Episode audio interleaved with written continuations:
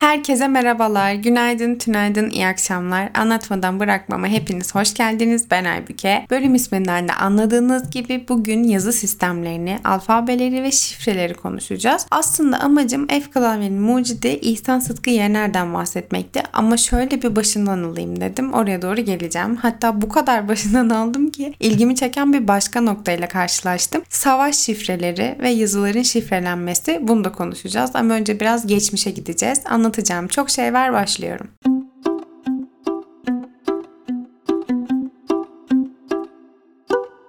İlk olarak anlatacağım şey yazı sistemlerinin de en başı diyebileceğimiz pedroglifler. İnsan ya da hayvan bedeninin resmedilmesi diyebiliriz. Yunanca'da imge anlamına geliyor. Ancak bu ikonların hala neden yapıldığını bilinmiyor. Yani o hayvanın anısına mı yapıldı, insanların merakı için mi yapıldı bilmiyoruz. Ancak ilk piktogram kabul edilen ikon Fransa'da bir mağarada bulunan meşhur el figürü. Yani düşünüyorum bunu yapan kişiler bunu neden yaptı diye. Yani o an elini boyayıp baskı yapma fikri nasıl geldi bilmiyorum ama bunu cidden çok merak ediyorum. İlk olarak yazının tarihinden itibaren başlayacağız. İlk yazının evrimini dört kategori altında inceleyebiliriz. Az önce anlattığım piktogram, hieroglif yazı, çivi yazısı ve alfabetik yazı. Sistem şöyle ilerliyor. Bir aşamadan diğerine geçiş, birbirinin üstüne katarak gitme diyebiliriz aslında. Çoğu yazı sistemi ilk olarak piktogram yani ikonlarla, sembollerle anlatılmış. Semboller her kelimeyi hatta her bir fikre karşılık gelmiş. Bunu anlatmış. Ancak tahmin edersiniz ki çok da kullanışsız. Çünkü zamanla tükeniyor ve her sözcük için yeni bir sembol bulmaları gerekmiş haliyle. Bu da çok zor olmuş. Bu semboller çok zaman geçmeden yerini sese bırakmış. Zamanla semboller daha az şeyi temsil eder hale gelmiş. Yerini sese bıraktığı için. Batı Avrasya yani bugünkü Anadolu, Arap Yarımadası, İran ve Mezopotamya gibi yerlerde şu an kullanılan yazı sistemlerinin çoğu Sümerlerin çivi yazısından ve Mısırların hierogliflerinden ortaya çıkmış. Çin yazısı ise daha farklı ve daha farklı coğrafyalarda gelişmiş ve daha farklı zamanlarda gelişmiş. Çivi yazısına gelecek olursak eğer ilk yazı biçimi olarak geçiyor ve Mezopotamya'da gelişti. Bu sistemde karakterler killer üzerine işlenirken ya da kazılırken çivi biçimli bir kazma kullanıldığı için bu ismi almış. Sistemden bahsedeyim biraz. Şöyle ilerliyor. Her bir piktogram bir heceyi temsil ediyor. Soyut sözcükler için de yine böyle bir sembol kullanılmış.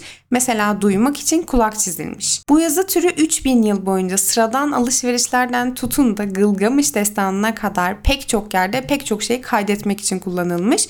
Çivi yazısı ayrıca Mısırların kullandığı hieroglifleri de etkilemiş. Yani öyle olduğu düşünülüyor sonuçta. Çok bir veri yok elimizde. Büyük İskender'in fetihleri sırasında çivi yazısının yerini Arami alfabesi ve yazısı alıyor. Çivi yazısının çözülmesiyle alakalı da farklı hikayeler var. En bilinen hikaye İran'da Şah Abbas'ın sarayında elçilik yapan İspanyol Garcia Silva tarafından bulunduğu. Silva çivi yazısının ilk örneğini Persepolis'te görüyor. Bu arada Persepolis İran'da bir şehir ve bu isimli de bir film var. Bu da tavsiye. Silva bu gördüklerinin piramit ya da minyatür ve dikili taş olarak tanımlıyor ilk etapta. Yazı türüne bugünkü ismini veren kişi ise 17. yüzyılda yaşayan İngiliz bir seyyah. Çivi yazısını bizim bilmemizi sağlayan kişi ise Oxfordlu dil bilimci Thomas Hyde. Bu sayede meşhur olmuş ve dünyaya yayılmış. Ancak Hyde onun hala bir yazı değil bir süsleme sanatı olduğuna inanıyor. Çözülmesi ise bir Alman dil bilimci sayesinde oluyor. İlk olarak bu tarz olaylarda amaç en çok tekrar eden kelimeye bir anlam katmaya çalışmak. İlk olarak Persepolis'in Akamenid devletinin başkent olduğunu biliyor. Bu metinlerin anısal metinler olduğunu da biliyor ve Yunan kaynaklarından da aşina olduğu için muhtemelen İran'ın kralı ya da kralların kralı gibi kelimelerin tekrar ettiğini düşünüyor ve ilk olarak çözülen kelime kral oluyor. Metnin alfabetik olduğunu varsayıyor. 36 çivi yazısı aslında ünlü ve ünsüz harfleri temsil ediyormuş. Benim şimdi şaşırdığım ve duymayı da çok istediğim bir alfabe var. Duymayı diyorum. Biri konuşurken bu alfabeyi dinlemeyi çok isterdim. Suriye'nin Ugarit kentinde bulunan Ugarit alfabesi. Bu alfabenin özelliği şu ki ünlü harf yok. Bu dil İbranice'ye çok benziyormuş. Fenike alfabesinden de kendine bir şeyler katmış bir dilmiş. İbranice demişken Yapay zeka ile eski dillerin seslendirmelerini dinlemiştim ve İbranice'ye bayılmıştım. Bulursam bu videoyu sizinle mutlaka paylaşırım. Ve sırada Mısır'dan hieroglif var. Roma İmparatorluğu döneminden itibaren Avrupa'da kendine çok yer bulmuş pek çok e, Mısır eseri var. Bu eserler yıllarca araştırmacıların dikkatini çekmiş. Halen de çekmekte. Benim bile en çok gitmek istediğim yerlerin başında Mısır geliyor. Ancak şu an Mısırlı dediğimiz kişiler Bunları okuyup yazamadığı ve haliyle de anlamadığı için bu zamana kadar da pek çok bir bilgi yok. Napolyon'un Mısır ve Filistin seferleri sırasında neredeyse şans eseri bulduğu bir tablet var, Reşit taşı. Bu taş 3 paragrafa ayrılmış böyle düşünebilirsiniz. Karşılaştırmalı olarak okunduğunda bir şifreli bir kılavuz içeriyor. Ancak bulunduğunda şu anda da, bulunduğu zamanda da ve şu anda da bu taşın çoğu satırı silinmiş durumda. Bunun çözülmesi için Thomas Young isimli bir dil bilimci e, çalışmalar yapmış. Takma adı fenomen yakmış. Young şöyle bir yol izliyor. Yunanca metinlerde adı geçen firavunlarla karşılaştırmalar yaparak metni çözüyor. Aynı Thomas Haydn yaptığı gibi Yunanca metinlerin bu anlamda etkisi fazla. Hatta güneş tanrısı Ra hakkındaki ilk bilgiler bile burada bulunmuş. Tabi ünlü harf olmadığı için nasıl seslendirildiğini bilmiyoruz. Aslında şu ana kadar anlattığım çoğu alfabede gizliden gizliye şifreler var. Bizim için hala şifreliler. Evet ama semboller, ikonlar ve anlatmaya çalışılan şeylerin çok net olmayışıyla da aslında bir şifre içeriyorlar. Yazı şifreleri ise genellikle savaş dönemlerinde var. Bu konuyu anlatırken aklıma hep şey geldi. Ayşe tatile çıksın. Bu savaş şifrelerini ilk kullanan kişi tarihte Sezar. Kriptografinin babası olarak biliniyor Sezar. Şimdi size onun şifreleme yöntemini anlatacağım.